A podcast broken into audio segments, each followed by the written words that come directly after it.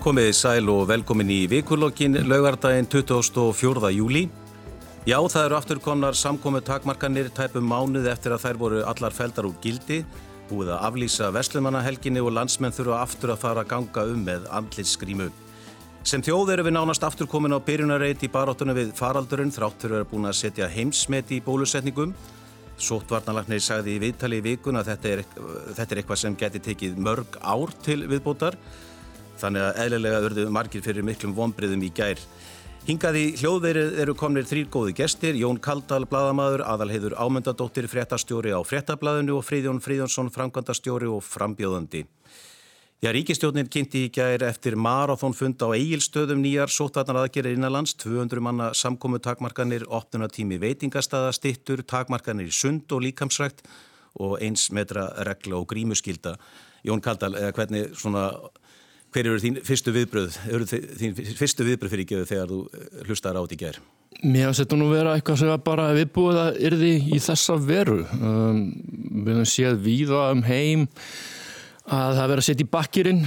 Um, þetta deltaafbreyð er að ná miklu hraður útbreyðslu heldur fyrir afbreyði og, og ná í gegnum bólusetningar við það.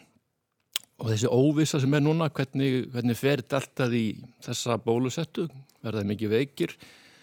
Fólk vil átt að sjá því vístafólkið og helbyrði starfstjættunar en auðvitað þetta líka og snýr heilmikið að þeim óbólusettu. Og þar eru við með 70.000 börn undir 15 ára. Og mér finnst bara ekkert mál að hér verði menn átti sér betur á því hvort þetta afbrið fari verð í þann hóp sérstaklega og hvort að verði þá í framhaldunum tekinn ákvörun um að bólusetja börnin rætt og vel og hérna við munum vantilega að komast að því ekki bara með því að býða hér í tvæðar vikur með einhverjum samkominn takmarkunum, heldur líka að horfa til Breitlands, það sem deltaðabræði er, er, er hérna orðið mjög útbreytt og fleiri landa. Við munum vita miklu betur hvernig framaldi verður uh, eftir tvæðar vikur, held ég. En var þetta ekki, já, einmitt, var þetta fyrirsjánlegt, væntingarna voru allt aðrar? Já, ég minna, þetta var Þetta var fyrirsjánlegt, þetta var fyrirsjánlegt kannski í svona 2-3 daga. Og þegar, þegar tilkynnt var um aðgerðnar þá, þá er ég að segja allavega að hérna ég átti vona á enn stífari aðgerðum. Eh, en sko ég átti vona á bara alltaf hérna, 50 manna takmörkunum og, og einhvers líku en, en ég held að það sem að er sko það sem auðvitað veldur fyrst og fremst sko vonbriðum og pyrringi í, í samfélaginu og þjóðfélaginu eru auðvitað að sko við Íslandingar erum búin að standa alveg gríðarlega þétt saman í þessu þrátt fyrir allt. Og uh, höfum enga síður líka geta sko við höfum gaggrind, við höfum röggrætt en við höfum samt einhvern veginn staðið saman, við höfum öll mætt í bólusetningu, við höfum gert það sem að ætlast er til á okkur, hér er mjög lítið um sóttvarnabrót og við stóðum alls saman í þeirri trú að við þyrtum bara að komast í gegnum þetta fram með bólusetningu, þá, við, þá væru við komin í gegn. Og ombriðin yfir því einhvern veginn að hafa verið að horfa allan tíman á bólusetningarnar og á hjarðónamið og, og svo bara klikkar það. Og það er bara, það eru svo mikil ombriðir sko. Á hennar Þannig að það er alveg gríðarlega skiljalegt sko. Að hérna einhvern veginn vonbreiðin eru svo raunverulega líka út af því sko. Það er ekki bara út af þjóðatíðin eða út af, þú veist, það er út af bara því sem við erum búin að vinna að saman allan þennan tíma sko. Og hérna en þessar aðgerið sjálfur og ég er eh, segja eins og, eins og Jón sko að eh, eins og ríkistandum presentera þetta ekki aðeins að þá uh, allar hann að verða við þessum tilögum frá sóttvarnalækni, hann vil prófa og sjá hvort að þeim sem eru nú þegar smitaðir, hvort er verða veikir og hversu veikir er verða af þessu deltaafbreyði og takk í það tvær þjórn vikur, sjá hvernig sjúkdómurinn fer í þá sem eru veikir en á meðan ætlar ríkistjórnin að, og, og er, unnið að því að stilla upp einhverju sviðsmynd fyrir okkur með COVID til, já, í náinni framtíð og jafnvel til framtíðar. og mér finnst það svona að gefa til kynna að við ætlum að skoða hvort að mann veikjast núna þeir, þeir sem eru bólusettir og taka afstöðu út frá því hvernig við gerum þetta til framtíðar ég, ég finn svona ég finn svona eh, ekki loford en ég finn svona þá þann ásetning að nú sé komið nóg af þessu í og úr við verðum að taka einhverja framtíðar ákvörðunum hvernig við ætlum að gera þetta Fríðjón, mm -hmm. já, voru þetta minni svona takmarkanir heldur en þú gerðir á þeirri? Nei, ég hérna, ég veit það ekki. Maður, maður vonaðist eftir að þetta erði sem minnst en, hérna, en bjóstalið við því að þetta erði hérna, þetta erði eitthvað stífara og, og jáfnvel ennþá meira eins og aðalega sagði sko þannig að hérna, en mér fannst þetta svona þegar ég var að skoða þetta að hérna vera hóflegt að mestuleiti og þetta er alveg rétt að, að hérna, sko, mér finnst alveg skeinsanlegt að við förum fetið núna á þessum tíma. Uh, við sjáum sko að þó að smitt hafi farið upp í Breitlandi og Spáni og víðar að þá sko innlögnum innlagnir fylgja ekki.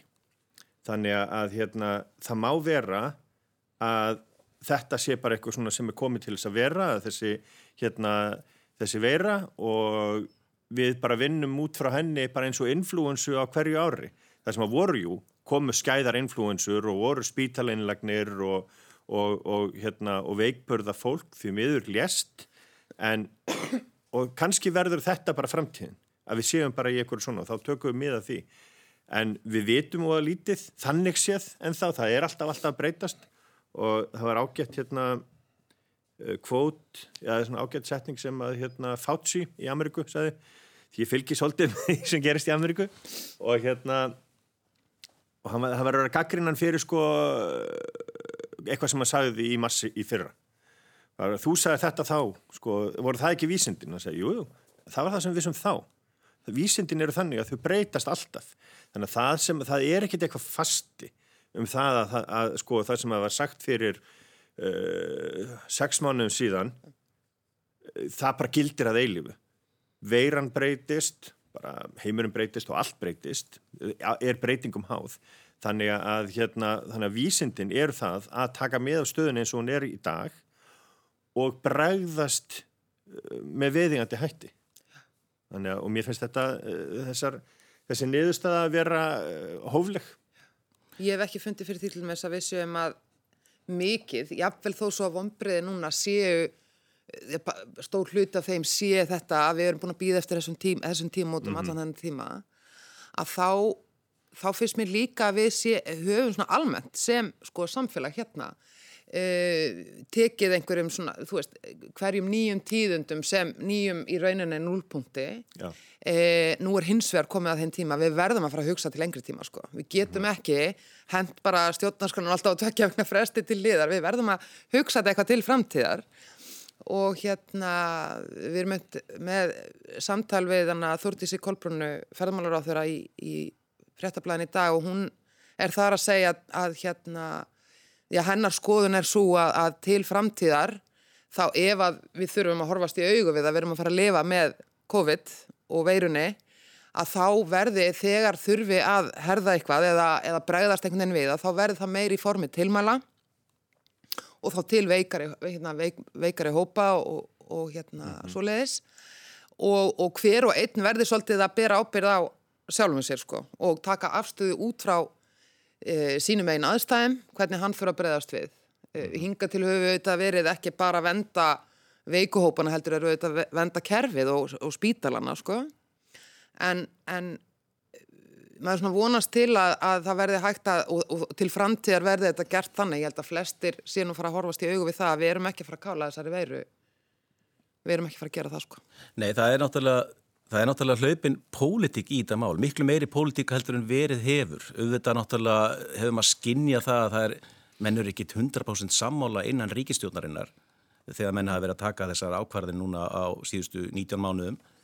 En ég ætla að, hafa, ég ætla að lesa það sem haft var eftir Svandísi Svavastóttur hérna í fréttum Rúf og, og, og þá eftir að ríkistjóðin ták ákvarðunum að herða aðgerðir á landamærunum sem var í byrjun vikunar. og þá segir hún í raun og veru höfum við séð þessar evasemdir og þessar vangarveltur sjálfstæðismanna í raun alveg frá byrjun faraldursins um einstaka sóttvarnar aðgerðir sem sínir manni að það er ágreinningun ríkistjótarinnar og sjálfstæðismenn hafa verið miklu gaggrítni á þessar aðgerðir heldurinn til að mynda vinstri græni eða, eða framsótnamenn. Eh, ég ætla að byrja að spyrja þig Fríðan, þú ert náttúrulega í, í frambóði fyrir sjálfstæðisflokkin í mhm. fjórðarsæti í Reykjavíkur kjörðami söður. Eh, er mikill ágreiningur innan sjálfstæðisflokksins um þessar aðgerðir? Nei, ég held að sé bara hérna e, það er fólk í sjálfstæðarflokknum, sjálfstæðarflokkurinn er mjög stór og breyður flokkur og rúmar mjög margar skoðan. Já, þess að maður það aður. og hérna og, og skára væriða nú innan sko samstarfs sem að spannar all litrófið, svo að segja eða kannski ekki allt en, en svona stóran hluta litrófsins í pólitík, að það séu gagstaða skoðanir og það séu anstæða skoðanir og það séu ykkur sko núningur um hérna og spurningar og gaggrinni sko hérna það, mér finnist það hrikalegt ef að það væri sko algjör hérna um það, það væri engar, það væri engin gaggrinni og menn gengur bara fullkomlega í takt við það að skerða frelsi fólks án uh, hérna uh, án nokkura sko svona, já, uh, án þess að hika. Uh, þannig að hérna Jújú, það eru rattir innan sálstæðarflokksins, bara við höfum heyrt í Brynjari og Sigriði og, og hérna sem eru gaggrinnar uh, og mér finnst það bara gott. Mér, það, það er mjög, sko, hérna, það er mjög gott og við fáum miklu meira út úr því að eiga samtalið og taka gaggrinni heldur en það við séum bara öll bara í einhverjum gæsagangi hérna, samtaka alltaf. Já, en uh, við þekkjum náttúrulega þá gaggrinni sem að Sigriður á Andersen og Brynjan Ílsson hafa verið með, mm -hmm. en maður skinnar svona meira óþól innan ríkistjórnarinnar. Uh, ráð þeirra sjálfstæðsflokksins uh, eru svona ekki alveg sáttur við það að fylgja 100% tilmælum sótarnalægnis. Mér spjarnir Benendar bara ljóma þetta vel í sínu spjalli gær en við hefum hertið þetta annar staðar úr flokknum svona óþól og reyndar held í líka bara ákveðina tilurinn til að slá ykkur á pólitíska keilur. Við sáum þetta mjög ábyrði kringum samningi sem að gerðu SB um bóluöfneinköpun. Þar var reynd ákaft að, hérna, að gera það að pólitísku máli. Þetta væri vant fyrir Ísland að, að tengjast Európa-sambandinu.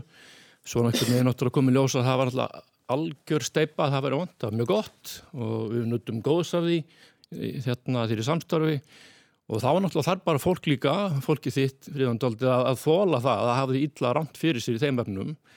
Og ég held aftur núna, þú veist að minnast á orð ferðamráðarinn okkar að við þurfum að sjá okkur fyrir sjáleika ég held að það sé algjör óskikja að við sjáum, við getum ákveði núna hvernig viðbörðinu COVID verða á næstu, næstu mánuðum og árum.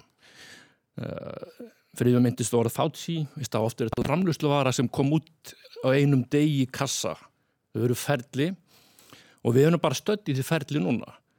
Og, uh, og ég, ég vil líka pínu undrandi að, að þetta komi fólki óvart núna þessi staða, að búa að hamra á því að þessu líkur ekki fyrir en búið að vera full bólusöti heiminn, að búa að hamra því núna í marga mánuði, af hverju er það að koma fólki óvart að þetta deltaafbreiði sem kemur einmitt upp úr risastóru samfélagi, sprettur upp úr óbólustu samfélagi í Índlandi, komið hinga núna. Akkur er þetta komið virkilega fólki óvart að, að staðan sé þessi. Þetta er nákvæmlega sem búið að vera að segja vikum saman. En það er þessi, hérna, þessi confirmation bias að fólk heyri stundum bara að það vil heyra. Bólusetningin, hún að loka þessu. Vísefnið segja nei, hún mun ekki loka þessu fyrir að búið að vera bólusetið heiminn. Og við erum bara stödd þar núna og ætlast til þess að það sé eitthvað fyrirsjáleiki, við vitum nákvæmlega hvernig það verður, bara glemið því sko. En snýst þetta ekki um væntingastjórnum? Það var haldinn hérna bladamannafundur fyrir rétt hæpum mánuðu síðan þar sem að eh, já, öllum takmörkunum var aflétt. Eh, þá máttum við ekki skilja annað heldur en eh, svo að við varum bara búið með COVID. Stjórnmálmennin töluðu þannig en ekki svotunarleiknir. Man rifið upp ummalinn og hérna frá þessum fundi það var talað um hérna stjórnmámanendulum og getur við knúsast aftur. Svo þórónu voru alltaf að segja, heyrðu þetta er ekki búið þetta er ekki búið sko. En það var einhvern veginn allt og margi, heyrðu bara hitt þetta er búið. Ég held líka að við sjáum það sko á, á því að um, uh, endarlegar aðgerður sem að, sem að ákveðnar eru eru nú ekki alltaf í samræmi við, við tilögur sóttarnalæknis og, og uh, þar, þar sjáum við kannski svolítið skoðanamunnin hjá ríkistöndaflokkunum. Ég held að það sé samt sko það hefur eiginlega komið í ljós uh, á þessu kjörtíðanbili hversu farsælt að reynist vera að hafa hafa ríkistjótt sem samastendur af sko pólunum af því þeir toga hvern annan að sér sko og að, að hérna við séum korki með sko uh, of vinstri sinnaða stjórn sem að, sem að tekur öll umalinn og fer í, fer, gengur alla leið í þá átt og gerir fólk þar að leiðandi sko uh, ósamvinnu þýtt eða hinn áttina þar sem að, þar sem að hérna engar aðgerður eru samþykta sko. Ég held að, að það, það hefur reynst farsælt þegar að áreyndi að, að hérna taka þessa póla og ná þá einhvern veginn meiri balans í aðgerðnar ekki bara aðgerðna vegna heldur bara móralsins vegna mm -hmm. í samfélaginu sko. Við höfum verið að fylgja tilmælum sótváttalæknis eiginlega gegnum þennan faraldur allan og, og ríkistjórnin hefur, hefur státa sig af því að hafa gert það, fylgja ráðleggingum vísindamanna. Eh, núna eru menn hins verið að kalla eftir því að, að, að það verði ekki tillit til annara sjónamiða í þegar að kemur að takmörkunum. Uh, Sóttatalæknir er vissulega að sinna sinni skildu sem embatismadur en hann er náttúrulega bara að horfa á eitt, eitt dæmi í þessu öllu saman mm -hmm. sem er að, að, að, að draga úr útbreyslu þessa faraldurs. Uh, Fríðón, einhver sagði orða þetta þannig að þurfum við nokkuð að kjósa í höst, getum við ekki látið þó bara embatismenn stjórna þessu landi? Uh, ef að pólitíkusar sko vil ekki horfa fleiri þætti. ef að pólitíkusar er hérna, ef, ef henni kjörni fulltrúar taka ekki ábyrð heldur uh, valdi sér bara framselt til hérna embætismanna jú, það, það er gaggrinni sem hefur heist löngu fyrir COVID. Að hérna að sumum finnst hérna kerfið ráð á miklu. Um, við sjáum hins vegar sko í gegnum þetta það var mjög farsælt af uh, ríkistjóninni að einmitt að setja sig ekki í frontin í því að útskýra og, og hérna og svona uh, að vera andlit aðgerðana það var ekki vegna þess að, að ríkistöndin var eitthvað hérna, held ég að þau hefur verið eitthvað hrætt við það heldur bara var betri leið til þess að öðlast tröst meðal almennings að hafa þrýjekið og, og hérna, til þess að fá fólk saman í þetta. Til þess að þetta erði ekki eitthvað pólitist strætuöfli þannig að, að hérna sko, en síðan þegar kemur spurningum sko, hvaða hagsmunni þarf að taka tillit til? Jú, ég menna þegar við þegar við, sko, þegar við erum komið með um, 90% fullorna 90% fullorna hérna bólusetta og jáfnveil ennþá fleiri og modern, hérna Janssen fólkið er búið að fá sitt hérna annað uh, hérna aðra spröytu og, og við erum jáfnvel farin að bólusita niður í 12 ára. Um, við þólum það ekkert sem samfélag til lengri tíma að vera tekjulegs út af turisma, það kallar á meiriháttar uppstokkun í kerfinu. Uh, Ríkistöðunum er búin að setja inn 500 miljardar inn í hagkerfið á síðust einu og halvu ári. Um, þeir það verður ekkert gert til fimm ára á hverju ári. Þannig að við þurfum tekjur til þess að standa undir velferðarkerfinu til þess að standa undir mentakerfinu til þess að standa undir öll því sem við erum að gera þetta hérna. og fyrir COVID þá eru hvað 40% af tekjunum okkar sem komið gegnum túrisma? Uh, þetta er meiri háttar hérna, vandi sem við þurfum þá að algerlega að hugsa upp á nýtt. Þannig að hérna Er þá, verður þetta ekki bara kostningamál núna í haust, eh, fyrst að við erum komin í þessa stöðu og þú nefnir það ágætlega að hérna, það á að fara að bólusetja börn og þá að gefa þeim sem fengur Janssen aðra spröytu og svo að vera að tala um að gefa þeim sem eru með undirlíkjandi sjúkdóma þriðjuspröytina til þess að auka vörnina. Mm -hmm. Þá er einmitt eh, svona pólitíkin hefur verið svona smámsaman að fara inn í þetta, auðvitað kannski í fyrri vetur þegar, þegar faraldurinn var í, í uppsyklingu og, og, og hérna, enginn var bólusettur, þá var kannski erfiðar að vera að reyna að koma pólitíkin inn í þetta en, en núna er staðan önnur út af þessu, út af bólusetningunum. Verður þetta kostningamál í haust? Verður þetta kostningamál hvernig menn ætla að höndla faraldurinn á komandi missurum? Já, ég held það, en, en við skulum ekki glemja því að það er pólitísk ákvörðun að treysta á sérfræðingarna. Það þarf að taka þá ákvörðun og, og hérna, fórstu fólk stjórnáflokkarna bara tók þá pólitísk ákvörðun að treysta því og leifa þessu fólki að hérna, að fronta þessu ákvæmum að kynna þær en pólitísk ábyrg liggur hjá þeim. Og það ég, ég hef þá trúa að, að þau eigi fórstu fólk að þykja flokka eigi heilmikla innegn hjá kjósundum út af þá ákvörðun. Og ef þú ætla að fara að eigða því ykkur um hætti að það ætla að fara gegn ráð, ráðgjöf Þóróls og, og hérna Ölmu, þá heldur ég mér að ganga með hratt á þú innegn þannig að ég segi bara verðum á góðu sem ætla að vara þá leið því að við höfum bara séð öllum konunum að þjóðin stiður þessa nálgun mm -hmm. stóru, stóru leiti. Fríðun nefnir hérna um, um stöðu ferðarþjónstunar við erum þótt við séum eiland þá veist, erum við ekkert að, að keira ferðarþjónstunum gang að það er ekki almennu ferðavil í heiminum menn bandar ekki ennþá lokuð það, það þarf PCR próf inn í, inn í fullta löndum ef Ísland voruður rautland þá getur við síður ferðast frá okkur. Mm þannig að við erum bara hluti af mjög stóru dómun og kuppakerfi sem við getum ekkert fara að ákveða að við ætlum ekki að falla ef kerfið fellur á heimsvísu aftur. Og hérna þetta er hérna, ég held að stóra sko pólitíska spurningi síðan núna veist, akkurat þessi. Ætlu við að halda áfram að hlusta á, á, á sérfræðingarna hvernig ætlu við að vinna okkur áfram í mögulegu svona harmoníku kerfi þar sem við þurfum að þennja út og svo tilbaka út á sóttörnum mm -hmm. yðnaðan okkar, ferðarþjónustuna og ymmislegt annað. Þannig að þetta, veist, við erum allan að sjá fram á mjög meira spennandi kostningabartu heldur en við stóðum í trúum hérna í byrjun júli þegar allir voru full bólusettir og einhvern veginn að e, einhver hluti þjóðarinnar og stjórnmálumanna mögulega heldur að þetta væri bara baki. Mér finnst einmitt, sko, ég held að spurningin, sko, hvort þetta verði kostningamál, þá þetta mér það stóru undalegt ef að svo verður ekki. Þú veist sko, rí, þetta, er, þetta hefur verið verkefni þessar ríkistjóðnar á þessu kjörtjambili nánast, sko, þú veist, þetta er það sem að stendur upp úr þegar við hugsun tilbaka um þetta kjörtjambili eftir mörg ár, þá er bara eitt verkefni, sko, sem þessi ríkistjóðn hefur haft. Og skára væri það nú að hún verði þá dæmd eftir því með góðið yllu, sko. Og að, hérna, auðvitað er þetta þetta eru allt, sko, pólitíska spurningar, hvort að það eigi að skerða frelsi fólks og hva, þú veist, auðvitað eru það pólitíska spurningar, við getum verið meir og minna sammála kannski um það með svona einhverjum svona innan einhverja mark á, þú veist, á einhverjum skala. En, en þetta eru pólitískar spurningar.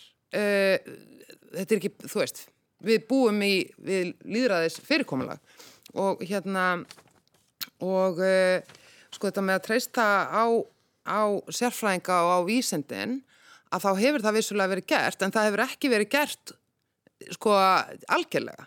Það eru svona núansar á því og, og það er líka eðlilegt eða það er ekki sko gefið að það er að gera það alveg í bótt en það hefur sko Þórólfur sjálfur sagt ég tek bara mína afstöðu út frá sótvörnum.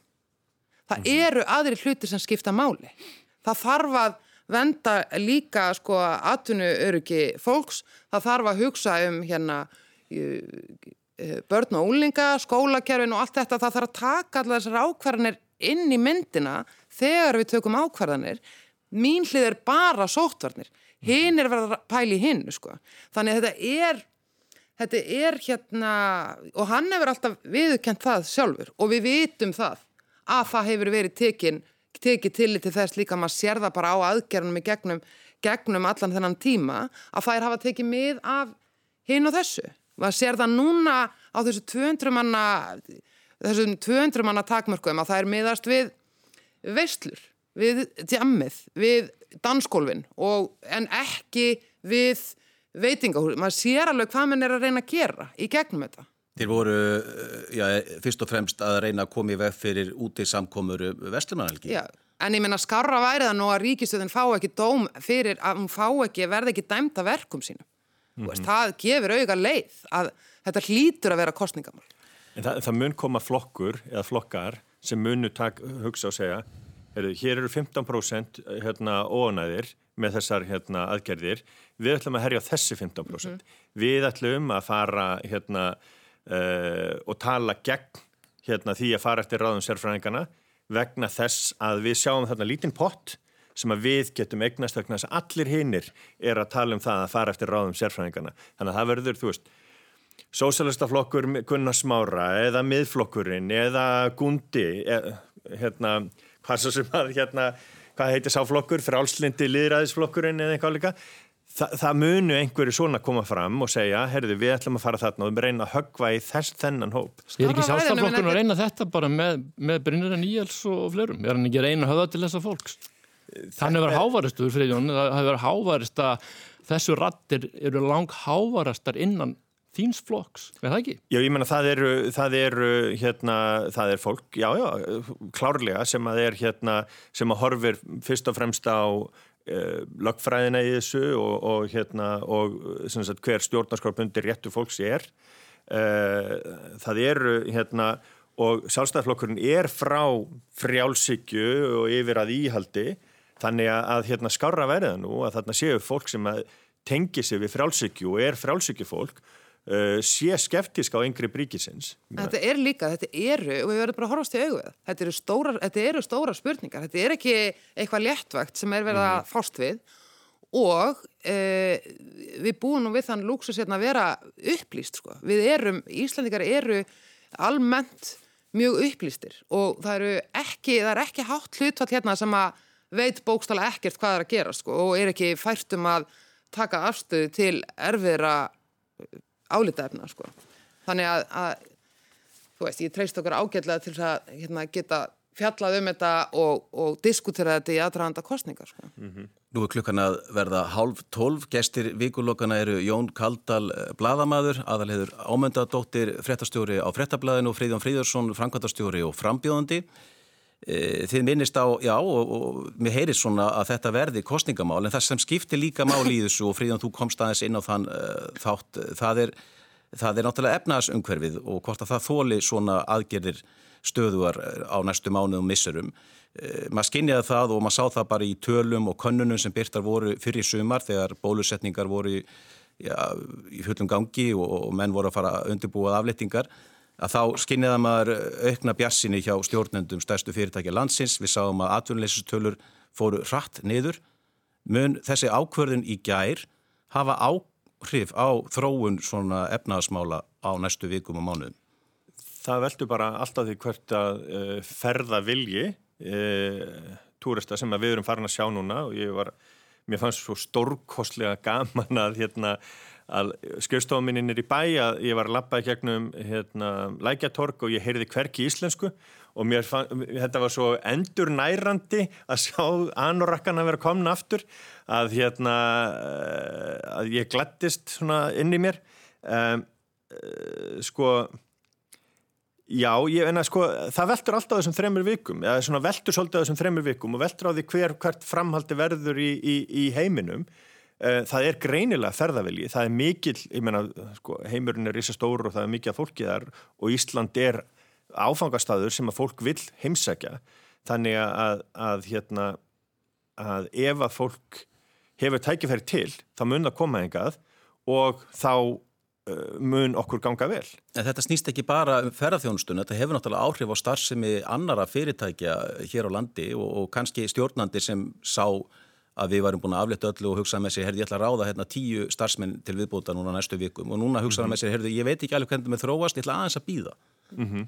Þannig að það er það sem að já, sko, já. margir hafa ágjur af þetta muni leiða til einhverja stöðnunar eða jafnvel þess að við höldum áfram í því ástandi, atvinna ástandi sem er í dag að vera með sko 7% ef í mann rétt þarna atvinnuleysi. Ég meina að þetta, þetta er náttúrulega bara það sem að, og kannski mun bæðið ferðarþjónustan og, og einmitt fleiri atvinnuvegir svona afleitir bara þurfa að sætta sig einhvern veginn við það að, að þetta er, er og verður ekki svona stöðugur atvinnuvegur, það verður ekki stöður, það er ekki stöðuleiki í þessu og kannski bara verður ekki stöðuleiki í þessu. Íslenskir stjórnmálamenn geta ekki lofa slíkum stöðuleika, hann getur einmitt farið eftir því, er, verður landið appilsýningult, verður það raut, munu mm. bandar ekki menn setja takmarkanir á ferðarlög til Íslands eða frá Íslandi eða mun fólk þurfa að fara í sótkví og skimun eftir að kemur frá Íslandi. Allt hefur þetta áhrif mm. á ferðavilja og, og, hérna, og það er ekki bara undir okkur sjálfum komið hér uh, þú veist það, það er undir svo ótrúlega mörgum þáttum komið að, að hérna ég meina kannski verður það þannig til framtíðar að, að ferðarþjónust fyrirtæki í Íslandi þurfa einhvern veginn aðlega að segja því að búa við brjálagslega óstöðugt umhverfi sko. En, en vegna þess að sko fyrir COVID það var túrismi þannig að maður sáu valla ferðamanna staði, áfangastadi uh, sem sagt hrinja nema tilkæmi náttúrhanfarir uh, hriðjuverk eða einhver svona meiri hátar viðböru þannig að menn heldu að túrismin væri uh, svona hérna langtíma hérna tekjulind sem að væri stöðug. En nú kemur það bara ljós að hún er svolítið eins og síldin í gamla daga að hún getur horfið á söpstundu og við verðum þá að fara að finna og, og leita leiða til þess a. að gera hana stöðuri b. að finna fleiri körfur og fleiri egg til þess að standa undir því sem við viljum standa undir hérna á Íslandi. Ég held að við séum alveg döðu færi til að gera þetta Ísland að stöður á landi með því að, að, að standa okkur betur við landamærin Mér finnst frábær hugmynd hjá þeim í eigum að, að, að afskrifa ekki þjóðtíð, mögulega halda hennar bara setna í ágúst mm -hmm. og ákvað fórstunum verið það gert, jú, að smitinu væri farið niður í samfélaginu. Þau eru að hugsa að getur við PCR, prófa alla þessu komandi í ER, því við vantarlega og lítið tímið til þess, en við getum gert þetta á landamærin, veist, mm -hmm. við þurfum bara að koma okkur upp innviðum til þess að, að hérna, afgriða þannig.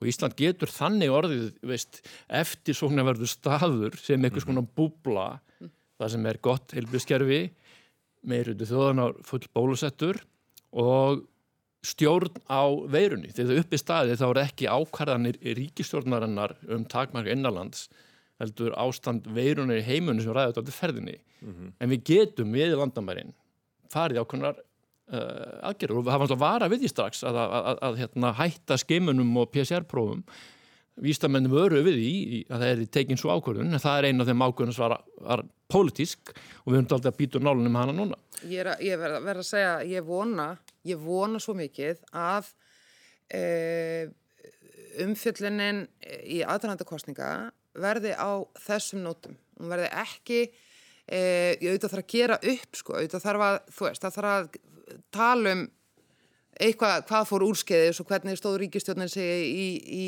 hérna mm. hinum þessum aðstæðum en að við náum líka að tala svona kreatíft um það hvernig við ætlum að búa með þessu til framtíðar hvaða lausnir eh, flokkarnir sjá fyrir sér í þessu og að við, við sko hugsum svolítið saman einmitt á, á þessum nótum sko, hvernig, hvernig ætlum við að fara að þessu, ekki bara gagvart veirinu sjálfur, heldur líka bara efnaðslega gagvart börnunum okkar og úlingunum sem að hafa sko, þú veist, ég meina það er búið að taka í rauninni af ungmennum sko ár úr þeirra úlingsárum, ár úr þeirra badnæsku og, og sem að fór bara svolítið í ruslið sko og við þurfum að tala um það þetta líka.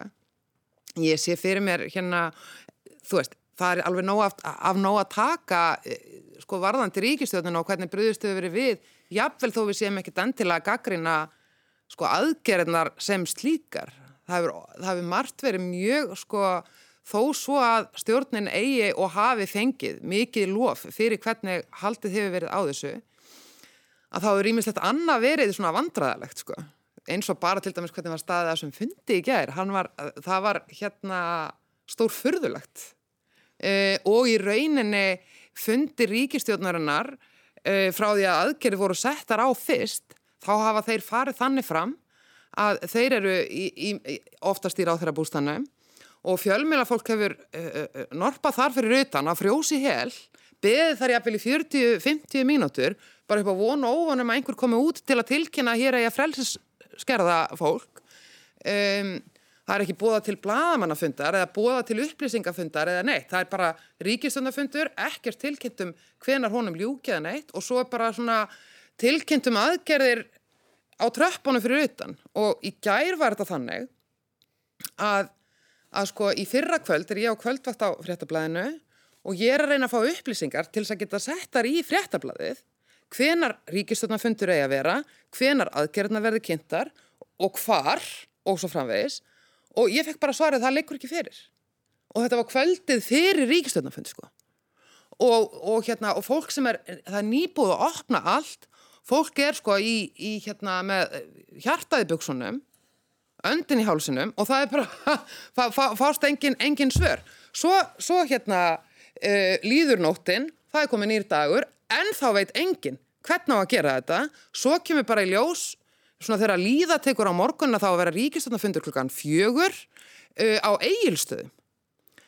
Svo frá svona smám saman að berast þýðenda því, svo kemur í ljós að það er, hefur verið leið flugvél fyrir, fyrir hérna það þótað, ég man ekki hvað, fyrir, fyrir hérna þá ráð þeirra sem er í Reykjavík. Upplýsingafulltrú ríkistöndna tilkynir eða hérna svarar einhverjum fjölmjölum það að það hefur verið gert til þess að gefa fjölmjölum kost á að fara með. Það talaði enginn við mig um það. Það, það, það sendi enginn fyrirspiln á fréttablaði og spurði hvort það var áhugi fyrir því að senda bladamenn norð. Þannig ég veit ekki fyrir hvaða bladamenn þessi flugferð var. Þetta er, þannig er vandraðagangur og þetta er ekki professional. Ég verði að, hérna, að hérna, skiptum umræðinu, ég heyra að við getum talað um þetta í allan dag og, og, og, og þessi bladamannafundur í gæri á og bladamannafundur í gæri á hvernig hann var skipilaður en það er annar mál sem vakti náttúrulega mikla aðtikli þessari viku og það er mál Gilva Sigurssona, knaspendumans eh, hann sæti nú rannsótt bresku lauruglunar vegna meins áreitis í gard einstaklings undir lögaldri við vitum ekkit mikið um þetta mál og það eru þetta margar sögusagnir, kæftasögur í gangi en en uh, í raun vita menn ekkit meira heldur en það sem ég sagði og, og það er valla fengist staðfesting sko á því að þetta sé Gilvi Sigursson en, en það er nokkur fjölmjöla sem segast að hafa heimildi fyrir því. Þetta mál, uh, knastmyndu reyfingin hér heima, hún hefur náttúrulega lítið geta bröðust við þessu einmitt út af þessari óvissu og menn hafa kannski tekið þá skeinsalega ákvörðuna að býða aðeins með yfirlýsingar þannig að þeir vita meira. En hvert mun þetta mál leiða knastmyndurheiminguna? E mun þetta á endanum sko, alveg bursið kannski frá því að, hvernig þetta mál með, með gilva fer eh, er þörf á einhverju sjálfskoðun innan knaspindurhefingarnar þegar kemur að svona málum? Þið hafi nú báðir hérna veit ég starfað innan knaspindurhefingarnar ég veit ekki alveg með því aðlið Sjálfskoðun, ég veit það ekki. Þetta er hérna það er, það er erfitt sko þetta mál er alltaf bara svo hræðilegt það, sko á, á svo mörgum hérna, stegum. Eh, ef satt reynist þá er þetta hræðilegt fyrir, sko, hérna, fyrir fórnalampið. Ef þetta er ekki satt eða ef þetta er einhverja skýringar á þessu eða, eða þá þessi rannsókn eða eitthvað sem leiðir ljósa að, hérna, að þetta er ekki jafn, jafn hræðilegt og, og þetta lítur út fyrir að vera að þá er þetta hræðilegt fyrir gilfa og það, allt það fólk um, og bara alla aðdáðundunar, alla krakkana sem hafa litið upp til hans og, og svo er bara eitthvað allt annað þarna. Þannig að uh, jú, jú, minna, ég held að sko, ég held að all fjöldasamtök hafi gott af því að, hérna, að fara í naflaskoðun.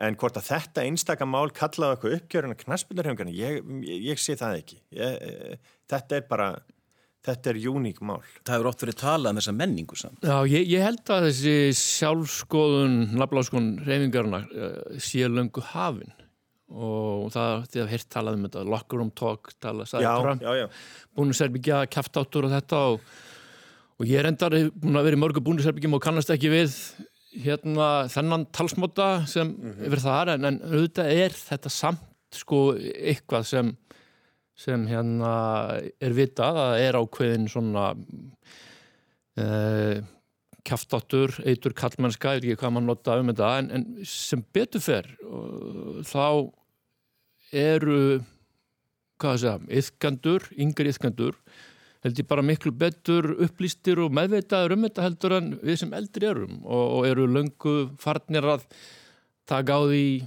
sjálfur og jáfnvel að eldri leikmenn láta á þetta að þeirra það. Ég, ég held að það sjálfur rétt að þróunin er, er búin að vera eiga sér stað undan farin ár og, og bara takt við hvernig samfélagið hefur verið að breytast. Mm -hmm. Ég held að það, það sko ekki miskilja mig þannig að ég segi sko neina við þurfum ekki að gera og við bara pökkum þessu niður og þurfum ekki að, að, hérna, að skoða. Ég held að þetta er alveg rétt í jóni að þróunin er búin að vera hérna, miklar breytingar á undarförnum árum og áratögum en það er líka bara í takt við samfélagið og hvernig samfélagið hefur verið að breytast í þessari, í þessari umræðu. Já, einmitt, fyrir kannski einhverjum áratugum hefði, hefðu svona ásakanir og nú er ég ekki að fella neina dóma um, um hvort að þessi réttar eða rángar, mm -hmm. þær, þær hefðu vantarlega bara verið þakkaði niður. Já. Já, ég held að það sé, sko, það var ótrúlega sérstakt að upplifa þetta þarna í, og rétt svona í, bæði í, í svona aðdraganda þess að þetta kemur upp að þá held ég hljóttun að vera að hérna fleiri fjölmjölar í landinu en, en minnmiðil hafi verið búin að heyra af þessu og það var verið að ringja símtöl út um, út um allt sko. Uh, en sko munurinn, maður finnur það af því að þessar fréttir koma beint ofan í aðra gríðarlega háa umræði sem að skók allt samfélagið hérna, hún kemur beint ofan í hana og kontrastin á milli, munurinn á milli var gríðarlegur. Það var sko, uh, sko afneitunin sem að fólk sko langaði að fara í, var í en var að reyna að vera ekki í og, og hérna ég neyta að trú þetta sé satt sko mm -hmm. tilfinningin og, og ég er enna að vona að þetta hljóta að vera miskilningur uh, og það er það sem að fólk hefur sko nefndið mitt sem eitt svona scenarjó já einn ein möguleiki er að þetta sé bara allt hræðilegu miskilningur og það er það sem fólk bindur einhvern veginn enn þá vonir við. Um sko og munurinn á því að vona þetta sem miskilningur eða hins vegar e, frasin sko ég trúi þólendum er bara, það er heiminn og hafa þarna milli. Mm -hmm. og þannig er um að ræða tvo einstaklinga sem að hafa báðir verið upp á veggjum í badnaherbyggjum sem átrúnaðar goð e, e, einn í tónlist og annar í íþróttum og en munurinn er bara gríðarlegur og þetta er einhvern veginn, það er holdt fyrir okkur að skoða þetta, hvað er, hvað er þarna bakvið, það eru þetta alls konar munur þarna á. Það er annars vegar það að við erum með e, á þólendur sem að ímist stíga sjálfur fram eða segja sögur sinna nafnlaust, þar eru við með einhver, einhvern, einhvern þólanda, einhvern sem er að segja frá. Og hins vegar eru við bara um lauruglun og það er, það er engin, sko við já, vitum ekkit hvað er það er engin svona þólandi sem við getum einhvern veginn hengt neitt á. Já, já. og það hefur áhrif eh, en sko annars vegar er sko þó lauruglar ansók það er, hefur verið húsleit, það hefur verið handtaka, það hefur verið sko það Evertón búin að víkja manninum til hliðar á meðan rannsókstendur yfir, það er ekkert mm. svoleiðis í hinu dæminu, í hinu tilvikinu er bara um sögur, um nafnlausar frásagnir og, og vissulega konur sem að, sem að bera þær fram og standa sko af þeim eða sérst mm -hmm. hérna en það er engin, engin lauruglunarsók það er engin það er engin hérna, það er engin verið handtekinn eða sjálf aðilega að rannsaka það mál. Um, samt einhvern veginn sko er svona hópurinn að segja þú veist, ég trúi þólendum og, og ég ætla ekki að fella hann inn á dómið það mér finnst það bara áhugavert að mm -hmm horfa á þessi þessi tvö mál og ber einhvern veginn saman hvernig við erum að bregðast við. Það er mjög áhugavert en það er sko líka algjörlega raunverulegt hvað fólk er að díla við í tilviki þessa, þessara frásagna um, um, eða þessara, þessara frétta um að þetta sé gilvi sko, ég finn það bara mínu einn heimili, ég á sko úlinga, úlingsstráka sem að elska fótbolta og og sko þessi, þetta fyrsta kvöld sem þetta kemur upp sko, það var bara gríðarlega erfitt á mínu heimili að, að ræða þetta og það var, kom bara aftur og aftur en, en er, er þetta alveg vist? Er þetta alveg vist í fyrsta lagi? Er þetta alveg vist að þetta sé hann? Og er þetta alveg vist að þetta sé satt? Og, og það var bara, það var mjög erfitt sko Já. og það var þeim mjög erfitt og fóreldrum erfitt og mm -hmm. þetta er bara og það er alveg staðrind sko. Og hefur líka verið erfitt fyrir fjölmila, íslenska fjölmila að fjalla um þetta mál. Já. E, já, það líka aðalega út af upplýsingaskorti en líka kannski, já, eins og segið, já, við veitum svo lítið um þetta. Mm -hmm. Bresk dagblöð sem eru nú venjulega mjög svona hvað getur maður sagt, ganga mjög langt í, í sínum skrifum, þau hafa jafnvel verið frekar róli í þessu máli? Já, náttúrulega bresku gödublöðin eru miskunnulösustu fjölmjölar í heimi, þau eru eira engum sko, en það er greinilegt þarna að það verið sendt út sko bara dómsúrskurður inn á fjölmjöla um að með ekki nafngreina þennan leikmann og með ekki heldur nafngreina meint fornalamp Mm. Það er til varnar vantala bara rannsóknir allri. Það er hérna meint fornalamba á ekki geta selt sína sögu -hmm. um, litað, það er eitthvað kviðdómur í, hérna og annað þannig að þetta er svona, þetta er annað umhverfeldur en hjá okkur um, Stóri mundan held ég að þú varst að gera einlega vísa inn í mál Ingós Viðauguðs aðalegur og hérna sem hefur verið mikið í, í hérna umræðinni og Ingó náttúrulega verið áberandi eh, lengi og hún var fyllt sögur mjög lengi sko mm -hmm. Og þannig að svona af hana reyðin sem spratt upp þegar þær komu upp á yfirborðið, hún var opasla áþreifanleg.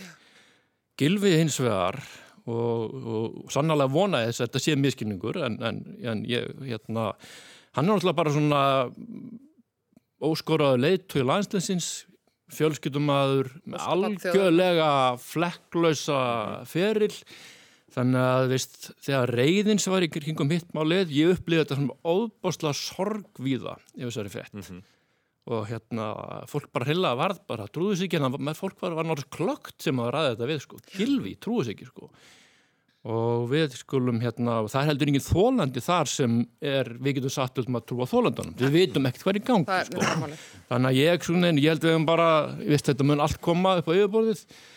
en, en þessi, þessi, þessi þögn er doldið ærandi kringum þetta mál núna og hún er, hún er erfitt að margir að, að yrkja í þessu gött þannig að hérna, ég breynt doldið að hérna bara taka taka þá stefnu að tala minnst um þetta fyrir en ég veit meira. Já, það er kannski rétt stefna en, en uh, aðeins að öðru, það er ekki langur að mikil tíma eftir uh, Morgunblæði byrti í vikunni áhugaverða könnun sem MMR gerði um fylgiflokka og, og, og annað sem að farið í ítalegara í, í niðurstöðu könnunar varðandi þingmannafjöld og annað. Það er tvent sem vekur aðtikli. Fyrsta lagi er náttúrulega að könnun sínir að, að það eru nýju flokkar að fara enn og þing miða við niðurstöðu konunarinnar og framsóknarmenn eru ekki að ná góðum árangur í, í, í Reykjavík. Uh, er það frétt? já, já, sko þeir hafa reyn, verið að reyna að búa til svona áhugaverða lista og ásmundur hefur flutt sig á milli kjördama, hann hefur verið vinsall eh, og, og núna í, á þessu kjördjambili. Uh, maður veldi fyrir sig sko, fyrsta lega varandi þess að þá staðrinda eða það verður niðurstaðan að vera með nýju flokka á alþingi, það hlýtur að vera mjög erfitt og, og svo tala ekki um stjórnarmynduna viðræður ef að núverandi ríkistjórn heldur ekki velli. Mm -hmm. Nei, það verður mjög flókið. Er bara, þetta er afspringið þess kostningakerfi sem við verum með núna að, að hérna, við, með þessi stóru kjördami að það er auðveldar að komast inn heldur en var áður og þá er auðveldar að búa til flokkum sig heldur en að fara í gegnum flokkana. Þannig hafi, hafi við komandi færi til þess. Þannig að hérna, þetta, verður, þetta verður mjög flókin staða. En, það, en sko varandi framsvonarflokkin og, og Reykjavík þetta er svo sem ekkert nýtt Haldur Áskjöfnsson rétt náði inn á sínum tíma þegar hann flutti sig hérna, til Reykjavíkur. Uh, Jón Sigursson þá varandi formaði framsvonarflokksins náði ekki inn uh, í frambóði í Reykjavík. Þannig að hérna og framstofnflokkurinn hefur verið mjög veikur í, í Reykjavík gegn tíðina, hann á ekki fulltrúi borgastjórn uh, og, og yfirleitt sko þegar að Reykjavík var eitt kjördami fyrir, fyrir árið 2003 að þá var framstofnflokkurinn yfirlega með eitt þingmann fyrir bæði kjördami, eða sem þetta fyrir, fyrir, fyrir Reykjavík í heilsinni þannig að, hérna En áhersleitun eru samt ljósa núna, þeir eru með já. þrjá ráþeira og þar að veru tveir Já, já. í Reykjavík. Já. Annar þeirra flytur svo milli kjördama, Lilja Alfres, uh, já, slapp numlegan og þing, ef svo mórið komast í, í síðustu kostningu. Það er ljóst að flokkurinn vill meira í, í hérna Reykjavík. og Lilja er vinsæl stjórnmálamaður eða var sérstaklega vinsæl stjórnmálamaður og hérna og, og það var nú eitthvað minkað en hún, hún var með vinsælustu ráþörrum fyrir hérna um, ásmundur núna er búin að sækja gríðarlega á en það er ekki að skilja sér í kjörgassunum og það er það sem er áhugavert. Já, ég, ég verð að segja, ég hlakka svolítið til að sjá hvernig hann um, hvernig hann mun uh, mæta reykvíkingum í samtalenu fyrir kostningar. Hann náttúrulega búin að hafa svona sitt víi fyrir norðan og vestan. Uh, og hérna hefur sótt svona sinn styrk hérna í Skagafjörðin og, og hérna það verður áhugavert að sjá hvernig hann, hann komin með öflugan liðsmann eh, með sér. Um, það verður áhugavert að sjá hvernig hann ætlar að eiga samtalið við Reykjavíkinga og það er rétt, hann hefur sko vaksið alveg gríðarlega á kjörtíðanbylunu og sótt bara á þessu ári. sótt á uh, það var nú gert grínaðanum í, í upphafi fyrir að vilja kalla sig barnamálar á þeirra og, og hérna en svo að margar að mati hefur hann bara getað staðið undir því. Um, og hérna þannig að ég er nú ekki til að afskrifa hann þó hann sé ekki inn í þessari könnun. Það bara verður svolítið spennand að sjá hvernig þessi sveita durgur á eftir að hérna lúka henni í borginni. Það hefur nú oft fyllt framsónaflokknum að, að þeir eru að mælast með minna fylgi í könnunum heldur en sem uh, kemur upp í kössunum. Já, en hann er sko, ég meina, og, en ég meina Lilja, sko, hún hefur ekki mælst inn í rauninni allt þetta, nánast allt þetta kjörtíðanbil, sko, eru einmitt rétt, rétt þjóðlaginn, það var, þau eiga ekki þingmann í hinu kjörtaminu, sko, þannig að ég, ég myndi ekki kalla þetta nein, nein stórtíðindi, þannig lagað, og ég held varðandi þessa nýju flokka sem að kynnu að ná að þinga, þá held ég að við séum bara, við erum bara komin inn í breytt landslag, þetta er bara eins og með veiruna, þetta er komið til að vera, við erum bara með svo marga flokka. Meðan stærstu tíundin í þessari könnun vera hvernig mögulegt missa með atkvæði getur fallið. Meðan langstærstu tíundin í þessari könnun afhjúbuðu bara veikleik okkar kerfist núna að hérna að framsóknarflokkurinn, sjálfstæðarflokkurinn geti nátt til sín þingmannum út á jöfnunarsæti sem hérna og frá engin jöfnunarsæti í þessari könnun hjá sjálfstæðarflokknum Nei, hérna, eða við hvert tannum út á eða, eða skort á jöfnunarsætum getur við sagt. Hérna nátt til sín uh, þingmannum frá pýrutum og samfélkingunni og þetta, menn, þetta er ekki bóðlegt að bjóða kjósundum upp á þetta. Og, og í raun og veru þarf að verða kostningamál af hverju er kerfið svona Akkur er ekki búið að breyta þetta, veistu, það var bara að tala um jöfnun atkvaða, það var tilhörn gerð, til þess með síðustu breytingu en þeir hafa ekki stjórnmæður með uppfært kerfið eins og þarf að gera. Og þetta er bara risa mál og, og þarf að laga. E- Eftir næstu kostningar verður einmitt sko þá mun enn einn þingmaðurinn og síðasti þingmaðurinn úr norðvestu kjördami flytjast í suðvestur þannig að þá verða 14 í suðvestur og 7 í norðvestur en kerfið var búið til þá áttu öll sex kjördamenn að vera svona cirka jafn stór með 10 og 11 þingmenn.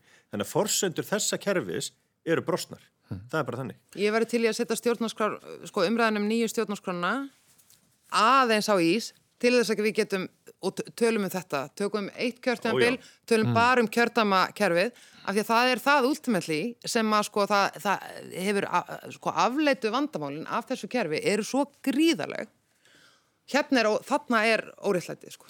Þessi er að ljúka og það er svona hefð fyrir þessum þætti að spyrja svona fólk út í já, hvaða plön það hefur fyrir daginn. Ég ætla nú kannski að spyrja kannski bara út, út í daginn og kannski næstu viku.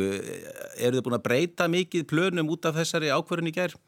Ég breyti mínu plönum út frá viðurspánni. Eh, ég ég sko, held ennþá í þá von að það sjáast til sólar í vikunni og er farin að svona, ég er ekki farin að þurka regninguna af, af sláttuvelinni en ég mun kannski gera það um, um helgina.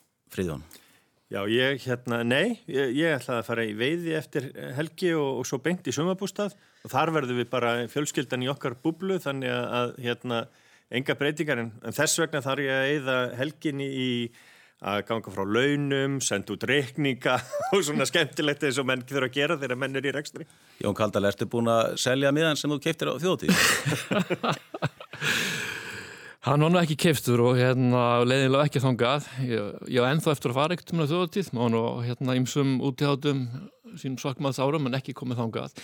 Mín plönur tiltöla óbreytt, það verður, ég ætla að rætt hún eftir, hún og Robin, fögnum því. Og svo er nú bara viðra vel til hérna inni vinnu. Það eru hérna framkantir sem ég ætla þá bara að fara að mála eitthvað inni sem hérna hafa staðið til lengi. Veðurspáðan lítur ákveðlega út en við, það er svona með langtíma veðurspára að það rætast nú ekki alltaf, við skulum bara vona það besta, vonandi verður sól einhver staður á landinu. Aðalheiður, Friðjón og Jón, takk hella fyrir komuna í vikulokkin. Vikulokkin verða á sínum stað á laugadag, verið sæl.